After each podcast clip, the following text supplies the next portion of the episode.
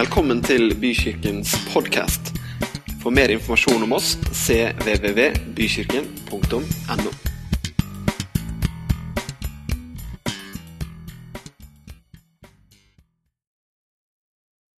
Så tar du ordet ditt, og så gjør du det levende for oss.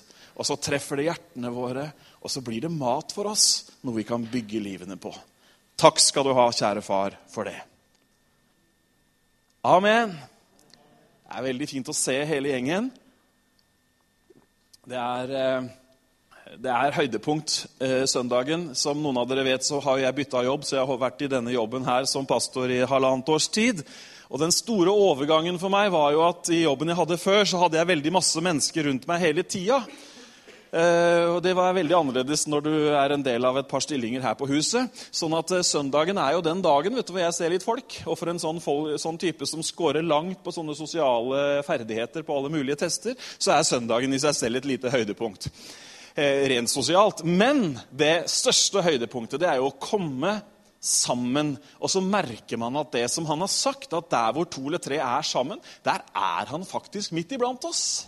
Og Det har jo blitt en klisjé for mange, men det er jo ikke noe klisjé i det hele tatt. Det er et fantastisk løfte om hans nærvær der hvor vi er. Og hvis det er noe vi trenger, så er det faktisk hans nærvær og hans tilstedeværelse midt, midt blant oss. Det var hyggelig å takke deg av litt, Henrik.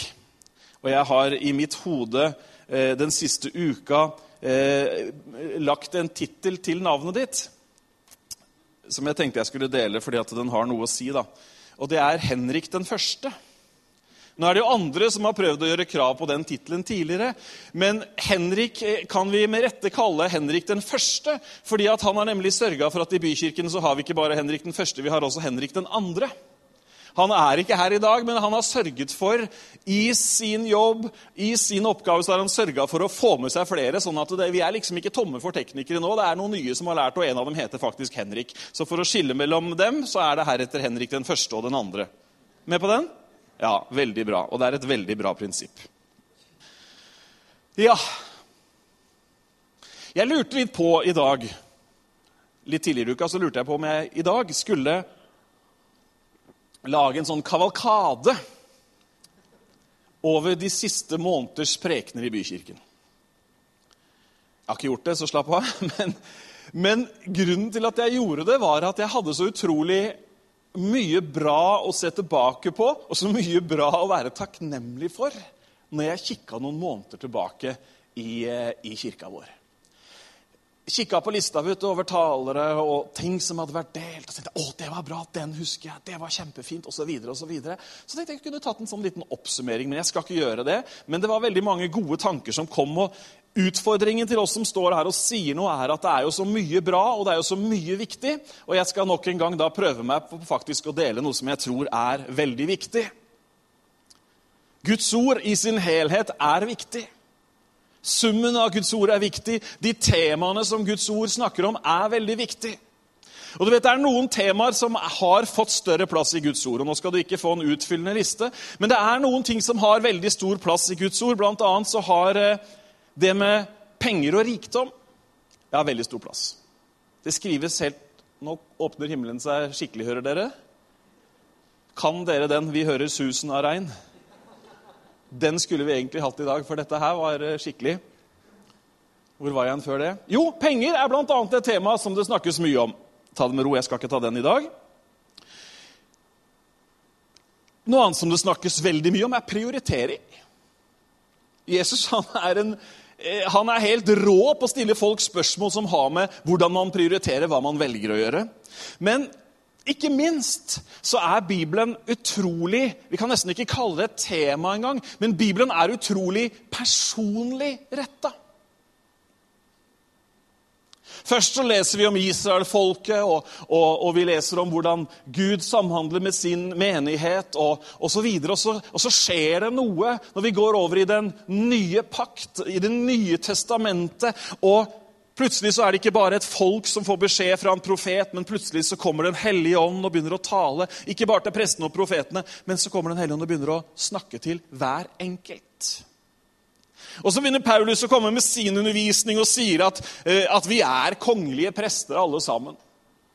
Så begynner Jesus eller så kommer, eh, er jo Jesus har jo allerede vært der ikke sant, og henvendt seg til enkeltmennesket. Hva vil du at jeg skal gjøre?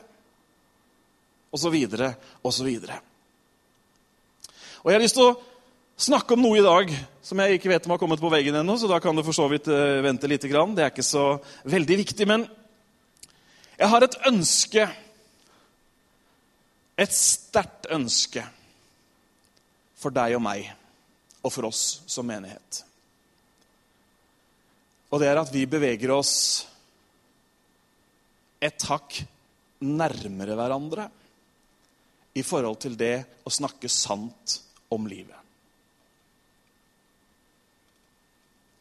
Jeg har et ønske om at vi ikke fremdyrker et religiøst system, en kirkelig ordning. Jeg har et ønske om at vi ikke blir kjempeflinke til å spille maskeradeball, til å sette opp fasader, til å late som at alt er veldig bra. Hva svarer du når noen spør deg åssen går det? Vet du hva jeg svarer nesten alltid? Jo, det går greit. Jeg vet ikke, hva, hva, svarer du? Eller en eller annen variasjon av det. ikke sant? Jo da, det passer greit. Kanskje hvis det er noen jeg kjenner litt bedre enn en, en, en gjennomsnittet, så kan det hende jeg sier at det har vært litt mye denne uka her, eller et eller annet sånn. Noen som kjenner seg igjen?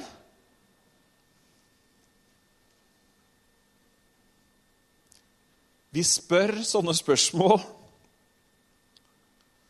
når vi våger det, og vi håper nesten at ikke det kommer et oppriktig svar.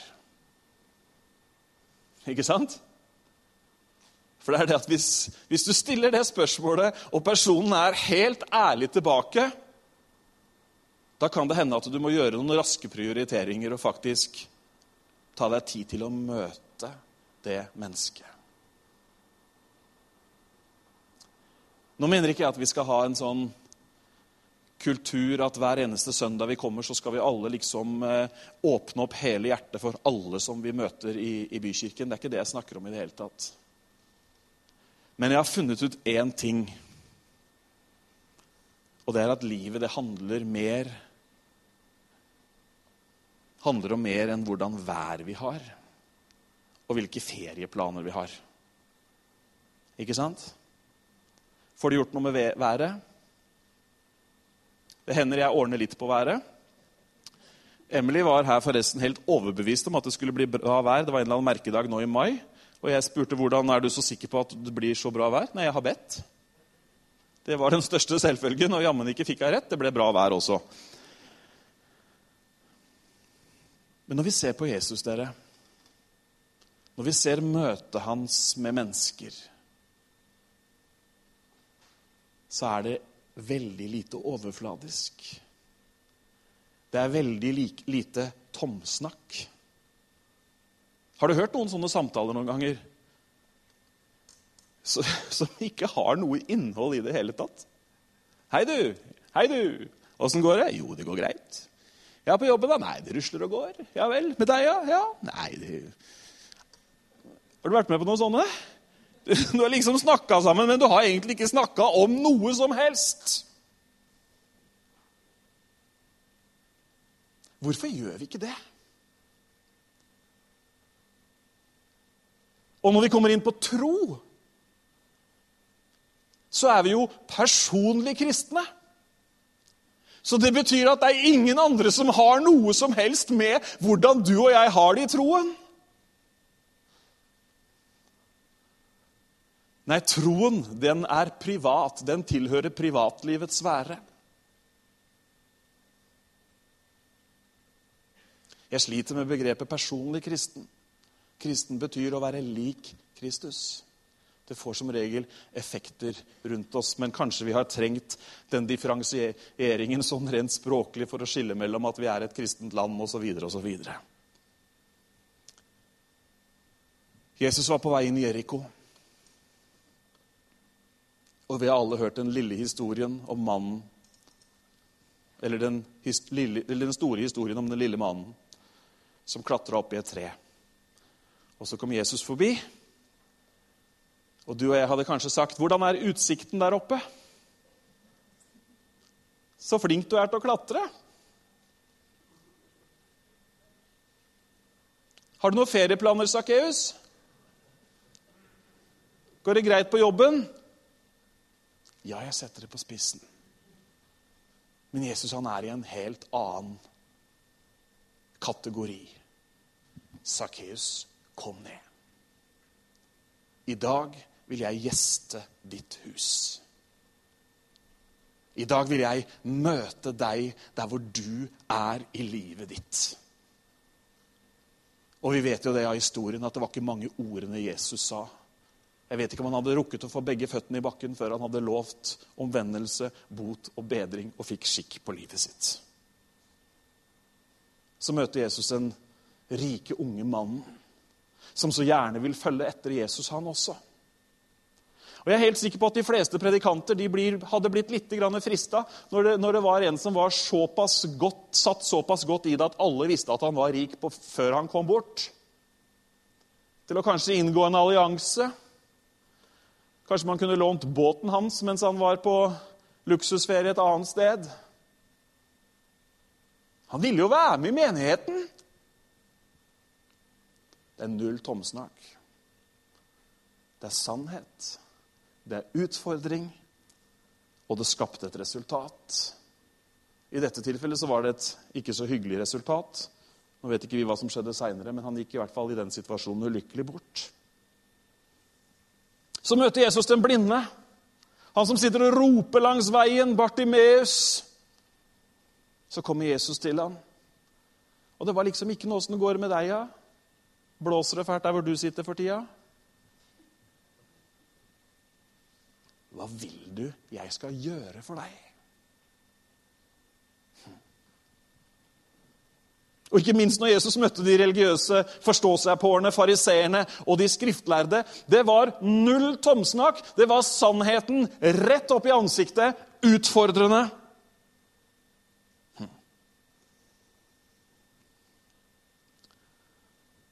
Eneste gangen vi hører Jesus noe særlig om vær og vind, det er når han irettesetter folk pga. værsnakket sitt. Ja, dere kan tyde himmelens tegn, og dere vet hvordan været blir, sier Jesus litt fritt litt oversatt. Men det som virkelig teller, det har dere ikke peiling på i det hele tatt. Jesus snakka om det viktige. Jesus han kom til poenget. Han snakka sant. Han var full av nåde. Han var full av sannhet. I dag som kirke, i dag som bykirken. I dag er vi Herrens stedlige representanter i denne byen.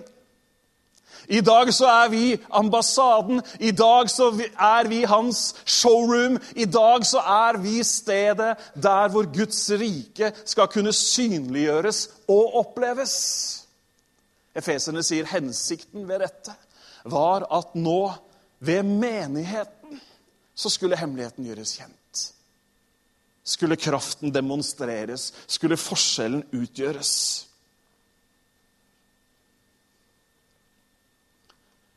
Vi må ikke være sånne som svarer på spørsmål som ingen stiller.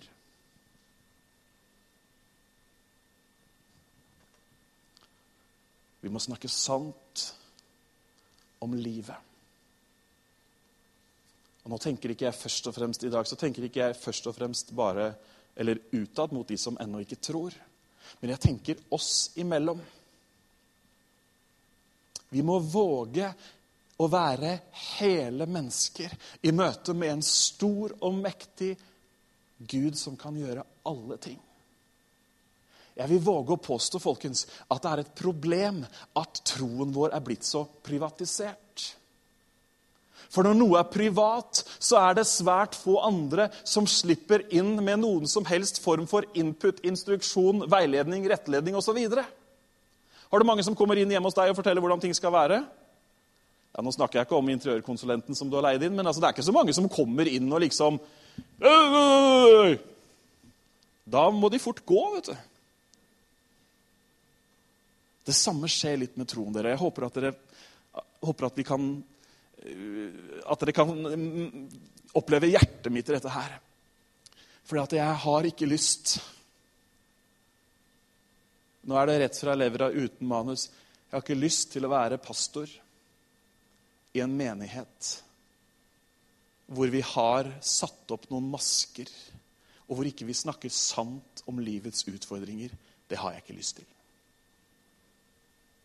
Jeg har ikke lyst til å bli en del av et religiøst system. Jeg har ikke lyst til å ha en eller annen tittel og utføre visse funksjoner. Men jeg har lyst å gå sammen med mennesker som våger å åpne opp, og som våger å snakke sant om livet, og på den måten la Gud føre oss framover. For det er det som skjer.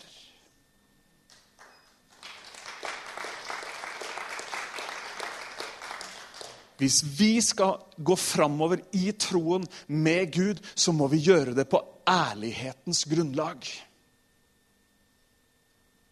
Det er ikke holdbart å skille mellom den troende delen av livet sitt og den ikke-troende. Da, da kommer du i et spenningsfelt, og så blir du helt ødelagt som menneske. Og vet du hva? Troen den tåler hele deg sånn som du er og den holder fortsatt.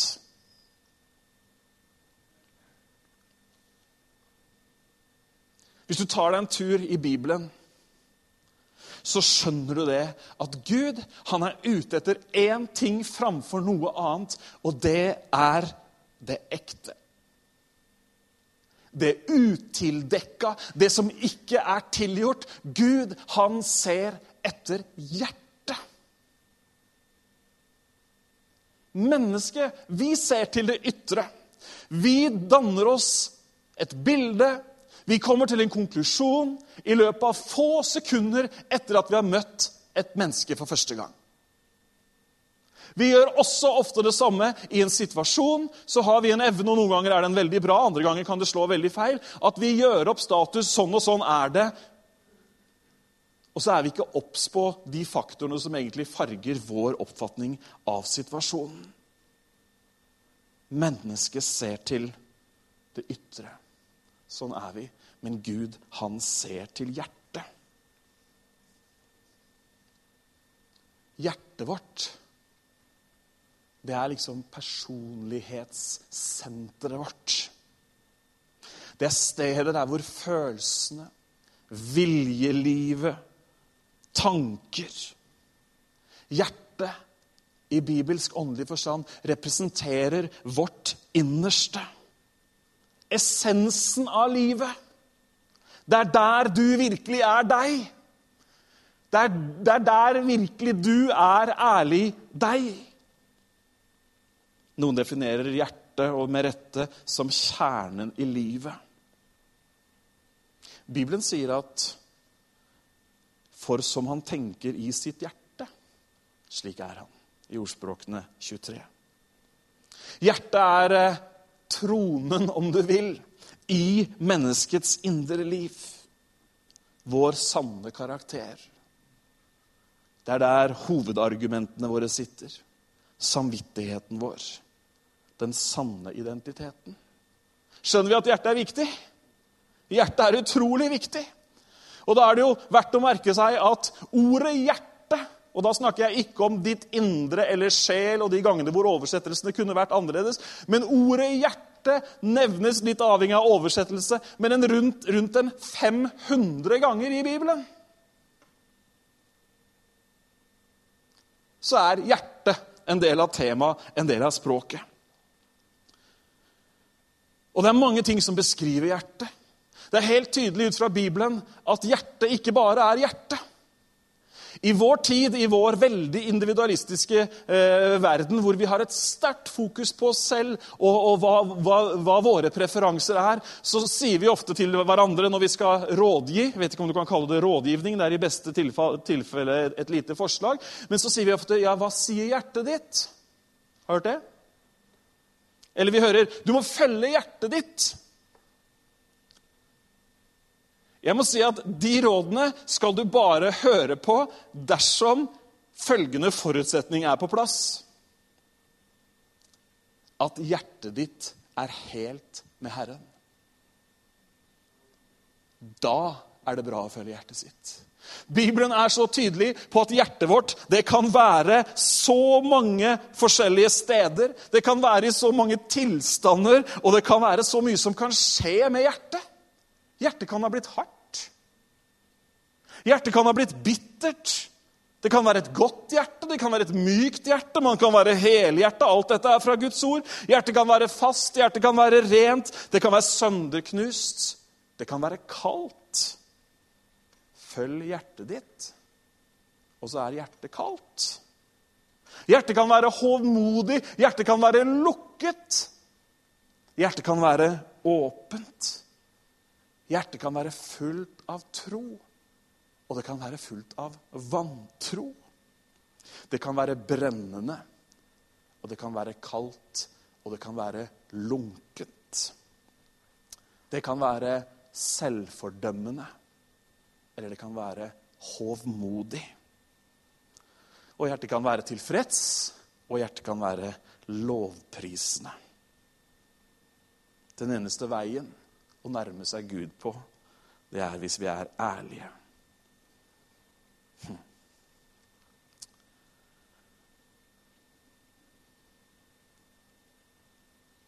Hvis du leser salmene i Bibelen, så møter du alle livets faser. Salmene er for meg beviset på at Gud, han tør, han har kapasitet til å møte deg og meg akkurat sånn som vi er. Her er det i Salmenes bok her er det heftige lovprisninger. Det er formelig så du ser David spinne rundt med sånn Donald-fart på beina av fryd og glede. Og så møter vi han i den dypeste sorg, hvor han ber Herre, skap i meg et rent hjerte. Det er samme mannen. Jeg er helt sikker på at hvis vi hadde hatt sånn eh, anonym innsending av eh, livshistorier her blant vi som er her i dag, så kunne vi plassert dem inn i de ulike salmene. Der er jeg. Og veldig mange av dere har sikkert også noen salmer som dere tenker at det er min salme. altså. Herre, når jeg ropte, så hørte du meg. Det er din historie. Det er vitnesbyrd. Herre, når mørket Nå bare siterer jeg fritt. Jeg kan ikke alle salmene utenat. Skulle gjerne gjort det. Jeg kan noen, noen ganske bra. Men så er det din salme. Herre, du lar meg ligge i grønne enger. Herre, du leder meg til hvilens vann. Det har jeg opplevd. Når jeg ropte, Herre, så svarte du meg. Og så videre, og så videre, og så videre. Tror du at Gud kan møte deg der hvor du er? Han kan det. Ikke bare kan han det. Altså, Han har ikke bare evnen, men han har viljen også til å møte oss. Men hjertet er viktig. Derfor så sier Bibelen i ordspråket 'bevar ditt hjerte framfor alt du bevarer'. Det er mye man kan bevare. Bare se på loftet ditt. Mye du har tenkt at det er kjekt å ha og fint å bevare. Og noen av oss Eller noen, ikke noen av oss, det hørtes ut som det var meg med en gang. men jeg er forsiktig med hva jeg bekjenner her i all offentlighet, men Noen tenker jo til og med at man har et navn og et rykte å holde på. Viktig, det. Omdømme. Omdømmebygging. Tuller litt med noen av dere nå, som lever mye i sånne begreper som til daglig. Helsa er viktig å ta vare på. Må trene mye. Ja, kjempebra. Mye er fint. Og riktig sikkert òg. Men det viktigste av alle ting vi tar vare på og bevarer, det er hjertet vårt. Om du er veltrent som få eller har et omdømme de fleste andre kan misunne deg, så spiller det ingen rolle eller om du er verdens flinkeste på ditt instrument eller det ene eller det andre. Det viktigste er hjertet, folkens. Åssen er det med hjertet? Vi tar bildet over til kroppen vår. Fantastiske funksjoner.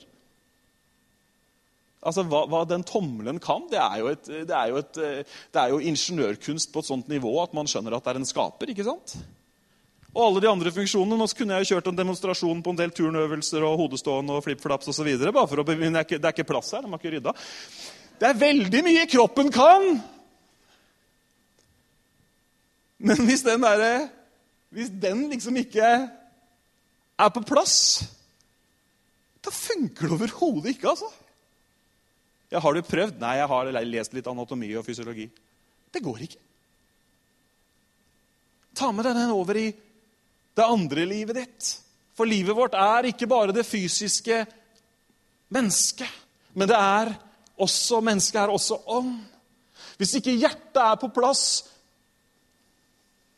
hvis ikke den øverste knappen i skjorta er i det rette knappehullet, så blir det aldri riktig nedover. Og sånn er det med hjertet også.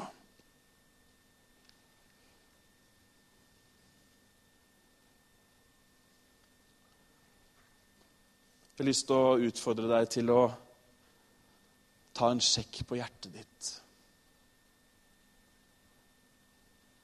Noen ganger så kan vi på en måte tro at alt er liksom Nei, sånn, sånn må det da være, eller sånn, sånn er vel greit, osv. Og, så og så kommer vi framfor Gud med det. Og stiller oss åpne, stiller oss ærlige. Og så kan det hende han justerer oss. Jeg har blitt justert mer enn én gang. Ja, Var det noen svære synder, eller? Nei da. Men synd er synd. Synd skiller oss. Synd tar bort frimodighet, osv., osv. Og det kan noen ganger koste litt å krype til korset. Men du, så deilig det er etterpå. Husker dere kong David, som var ute og gikk på taket en kveld? Så så han det flotteste kvinnemennesket han hadde sett. Batseba. Og for å gjøre en lang historie kort så brukte han sin kongemakt til å sende mannen til Batseba i døden for å ta henne som kone sjøl. Han var fortsatt i sin kongeverdighet. Hjertet hans hadde flytta seg. Det var ikke tett på Gud. Og så kommer gudsmannen, profeten, kommer. Og han, en profet, en gudsmann, ser jo klart og tydelig og, og ser at dette her er feil. Og så forteller han David en historie om noen andre, et lignende tilfelle, men i en annen setting. David blir rasende. Hvor er den mannen som har gjort det? La meg få ta hånd om dette. Han skal betale tilbake fire ganger så mye som det han har tatt, osv. Og, og så kommer ordet fra gudsmannen. Du er mannen. Det er deg, David. Det er ditt hjerte som klarte å gjøre noe sånn som dette. Og så omvender David seg, og så ber han denne bønnen som jeg allerede har sitert. Herre, skap i meg et rent hjerte. Forny en stadig ånd. La meg igjen få glede meg over din frelse. Jeg tror det er mange ting som prøver å Prøver å, Det høres på en måte så veldig aktivt ut, men det er også ganske aktivt. Det er mange ting som forsøker å påvirke oss. Det er mange ting som forsøker å ta oppmerksomheten vår. Og det krever faktisk dere en aktiv handling mot for å hindre at man bare sakte glir bort. Fordi vi lever i en verden Vi har så mye påvirkning. Det er så mange ting som sier hva som er rett, og hvordan vi burde leve, at hvis ikke vi aktivt står opp mot de kreftene, så føres vi bare plutselig litt sånn sakte bort. Jeg snakka med mange mennesker som, som ikke lenger ja, At ikke de tror, det er vanskelig å bedømme, men de har i hvert fall ikke et aktivt liv som troende lenger, i form av at man deltar på gudstjenester, er med i småfellesskap, er med å gjøre tjeneste osv. Jeg har møtt mange sånne. Vet du hva veldig mange av dem sier? Veldig mange har ikke de kan ikke oppgi én årsak. Da liksom valgte jeg bort og begynte med noe annet. Vet du hva veldig mange sier? Vet ikke helt. Det bare blei sånn. Plutselig så befant man seg i en posisjon hvor man liksom hadde både holdninger og en livsførsel og en praksis som, som egentlig var fjern fra det man egentlig trodde på, det som egentlig var det opprinnelige. Noen som, noen som skjønner hva jeg snakker om? Ting liksom bare, man, man, man, Det er nesten som om når du liksom eh, stopper båten midt på sjøen og bare sitter og ser litt ned på motorkassa fordi at motoren stoppa ikke sant, og det ble litt problemer. og så og så har du ikke hivet ut dreggen, og så plutselig så har du liksom nest, du er liksom nesten i ferd med å gå på, gå på skjæret der borte. Ikke sant? Det bare skjer. Jeg tror, og har sjøl opplevd, at det samme kan det være for, i, i vårt liv som troende også. At plutselig så beveger vi oss bort fra det vi egentlig tror på, og det som vi mener er sant, og som vi tror er svaret. Men det er motstand, og det er vind, og det er alt som gjør at vi kan drive bort. Og da trenger vi relasjoner med hverandre. Da trenger vi menighet, da trenger vi tilhørighet. Da trenger vi å kunne snakke sammen, sånn at man kan gjøre som David. Be bønnen igjen. Herre, skap i meg et rent hjerte. Nå er, nok, nå er, det nok ikke så mange av oss som har historier av den dimensjonen som David hadde, men vi har alle våre historier. Og det er når vi står nær hverandre, når vi snakker sant om livet, og når vi åpner opp litt og sier dette her er faktisk krevende. Dette her er utfordrende. Det er da vi kan finne svar, og det er da vi også kan sette mot i hverandre. Vi trenger mot. Vi gjør det. Vi trenger styrke. Vi trenger Guds nåde. Vi trenger å fylles av Hans kraft for å utføre det oppdraget som Han har sendt oss til. Noen ganger så bare redefinerer vi hva ting er. Og Noen ganger så kan det være bra å redefinere, det kan være bra å redesigne osv. Men vi må alltid ha sannheten inne i bildet. Vi må sjekke hjertet vårt. I Hebreerne kapittel 4 så står det noe som eh, Som er et viktig svar på noen av de spørsmålene jeg stiller i dag. For hvis vi ikke, som jeg sa, bare skal følge hjertet i tilstand, den, den, den, tilstanden hjertet er, eller hvis vi ikke bare skal go with the flow, hva skal da liksom være rettesnor? Hva skal være altså, Hva er det på en måte som kan sørge for at hjertet vårt er rett? Det er litt relevant spørsmål, er det ikke det? Hva er standarden, liksom? Hva, hva, er, øh, hva er, liksom kriteriene legen sjekker hjertet etter? Er det følelsen han fikk når vi kom til kontroll, eller er det målingene? De fleste av oss ville satt pris på noen vitenskapelige målinger når vi var hos han kardiologen. Ikke sant? Vi kunne til og med tenke oss at han var kvalifisert. At han ikke var sånn hjertesynser.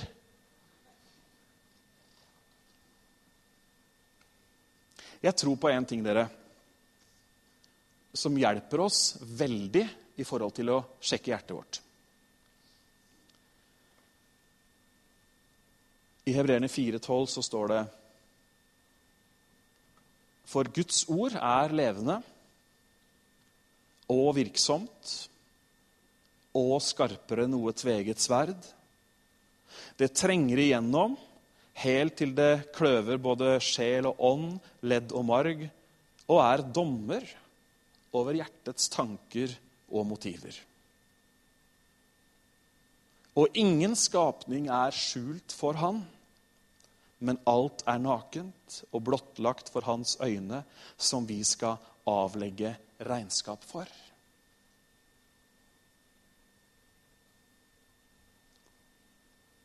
Guds ord er skarpere, smartere, mer fullt av visdom. Guds ord har evnen til å til og med justere hjertet vårt når og hvis det trengs. Og så er det litt deilig å vite også at det er en som har innsikt da, i livene våre. Du sjokker, kommer aldri til å sjokkere Gud når du kommer og forteller din historie, og når du bekjenner hva du opplever som utfordrende. Visste du det? Han blir aldri sjokkert. Han blir ikke overraska heller. Han vet det. Han kjenner oss. Alt er åpent, alt er nakent. Og så står det videre her Når vi da Dette er oss, dere. Når vi da har en så stor yppersteprest, en som er gått gjennom himlene, Jesus, Guds sønn, så la oss holde fast ved bekjennelsen. Og hør her, for vi har ikke en ypperste prest som ikke kan ha medlidenhet med våre skrøpeligheter. Det er ikke sånn han er. Han er ikke kald, han er ikke kjølig. Nei, han har medlidenhet med oss. Hørte du det? Han, han skjønner deg. Han har medlidenhet med deg. Det betyr at han har evnen til å stille seg sjøl i samme posisjon. Han vet hvordan det er. Men vi har en som i alle ting er prøvd, liksom vi, men uten synd. La oss derfor Hør på denne herlige utfordringen. La oss derfor komme fram til nådens trone. Med frimodighet for at vi kan få miskunn og finne nåde til hjelp i den tiden vi trenger det. Høres dette ut som et maskeradeball?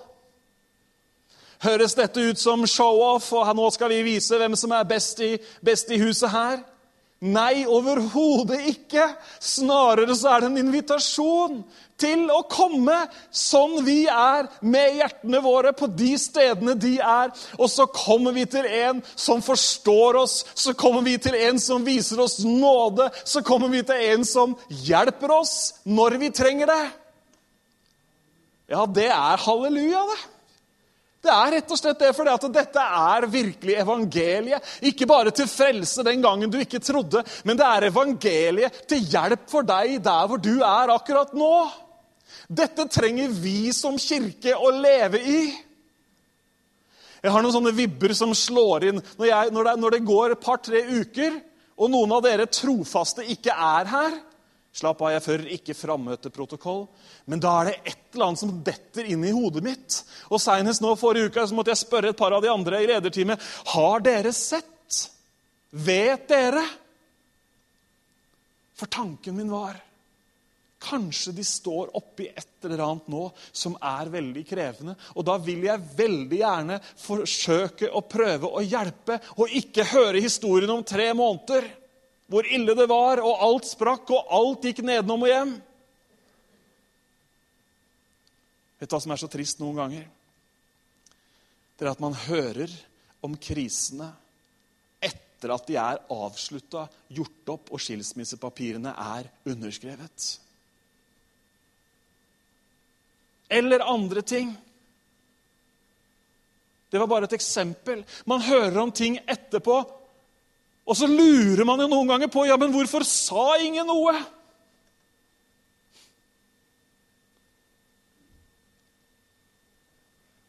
Hjertet. Vi må bevare hjertet.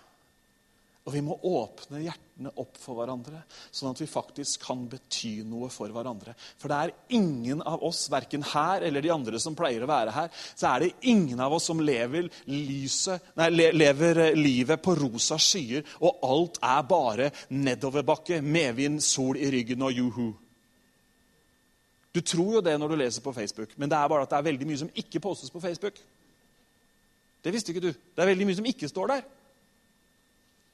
Veldig mye som ikke står der. Der står alle solsynshistoriene, og la oss nå glede oss over de solsynshistoriene. Men det er veldig mye som ikke står der også. Det står ikke der at liksom, Hva tenker du på? Er det jo sånn på Facebook. Du logger på også. Det er første spørsmål du får. Hva tenker du på? Det er jo ikke sånn da at folk skriver I dag tenker jeg på hvor mørkt livet mitt har vært de tre siste ukene. Er du med? Har du sett en sånn status noen gang? Den mest vågale statusen jeg har sett på Facebook, er at noen tok bilde av kjøkkenbenken sin. Som ikke akkurat, ja, Du kunne ikke se kjøkkenbenken, for å si det sånn. Det var en sånn liten motaksjon mot alle de flotte historiene. Men dere, la oss derfor komme framfor nådens trone med frimodighet for at vi kan få hjelp. Ikke la hjertet ditt bli hardt. La det bli eksponert for Guds ord. Ikke la Guds ord bli en god historie som du hører litt på sånn tredje hver søndag. Men la sannheten, la testamentet som er skrevet til deg og meg, la det få justere hjertet vårt. Jesus han sa det så tydelig og klart at noen syns nesten det er ubehagelig. Men han sier der hvor skatten er, der vil også ditt hjerte være.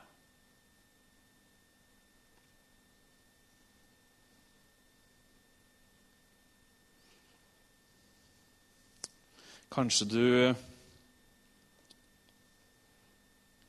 aldri har opplevd at du har et hjerte som er helt med Gud. Kanskje du aldri egentlig liksom tenk, har, liksom har sluppet han helt inn. Men hans lys det ønsker, å, ønsker han at skal skinne inn i våre hjerter. Hver eneste en.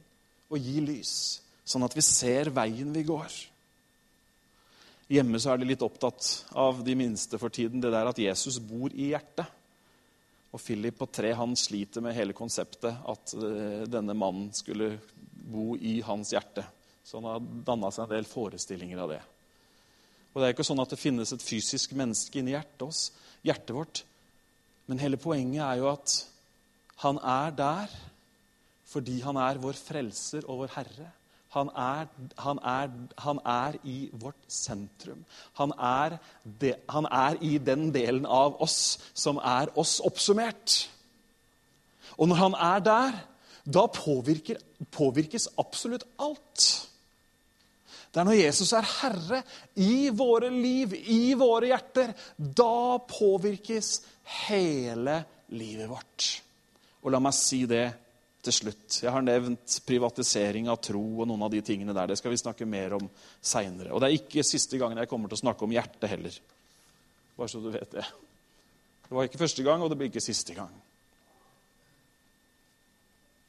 Vi ønsker å bygge en kirke hvor det er mulig å åpne hjertet. Ved å snakke sammen, ved å si 'nå trenger jeg en prat', ved å delta i et småfellesskap i en life-gruppe. Ved å åpne hjemmene våre. For vi ønsker ikke at noen bare skal forsvinne. Og så vet vi ikke hva som skjedde. Og så videre og så videre. Kan vi ikke bare be sammen nå til slutt?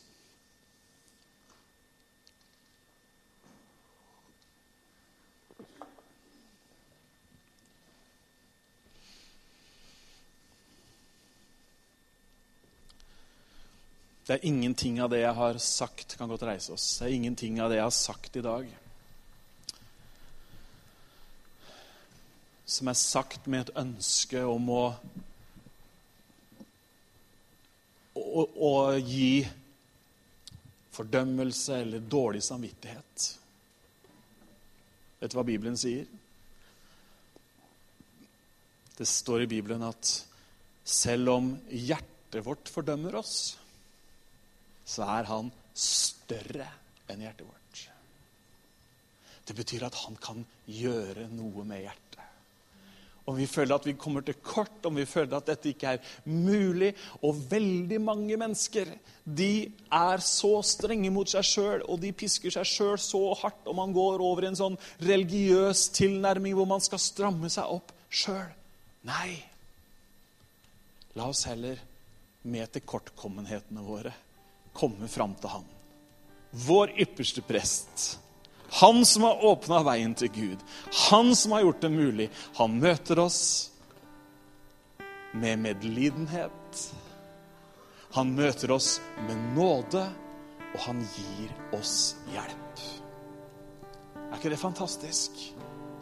Nå skal mange på ferie, og noen er på ferie. og Vi kommer kanskje ikke til å se hverandre så ofte i sommer, men ta med deg det.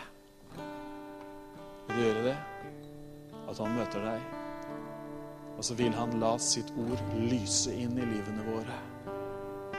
Og så er det én ting som er viktig å ha med seg.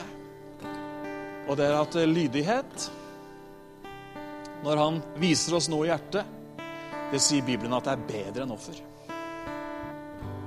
Det er bedre å gjøre det Jesus sier, enn å gjøre religiøse øvelser og forsøke å, å pynte på å gjøre et eller annet korrekt. Han ønsker at du og jeg skal kjenne at vi kan være hele i hjertet med ham. I Det gamle testamentet så står det at Herrens øyne farer over jorden. For kraftig å støtte de som er hele i hjertet. Han vil ha hjertet vårt. Skal vi be sammen? Jeg takker deg, far, for at jeg kan kalle deg far. Og for at ikke du er en stifter av en religion. Takk at du har åpnet døra sånn at vi kan ha en relasjon med deg. Takk at du ikke ser på merittlistene våre, men du ser til hjertet.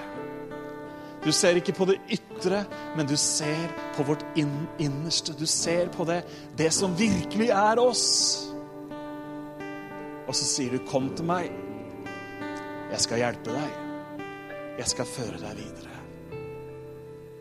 Jeg ber Herre om at de orda som vi har delt i dag Jeg ber om at det må smelte sammen med troen i hjertene.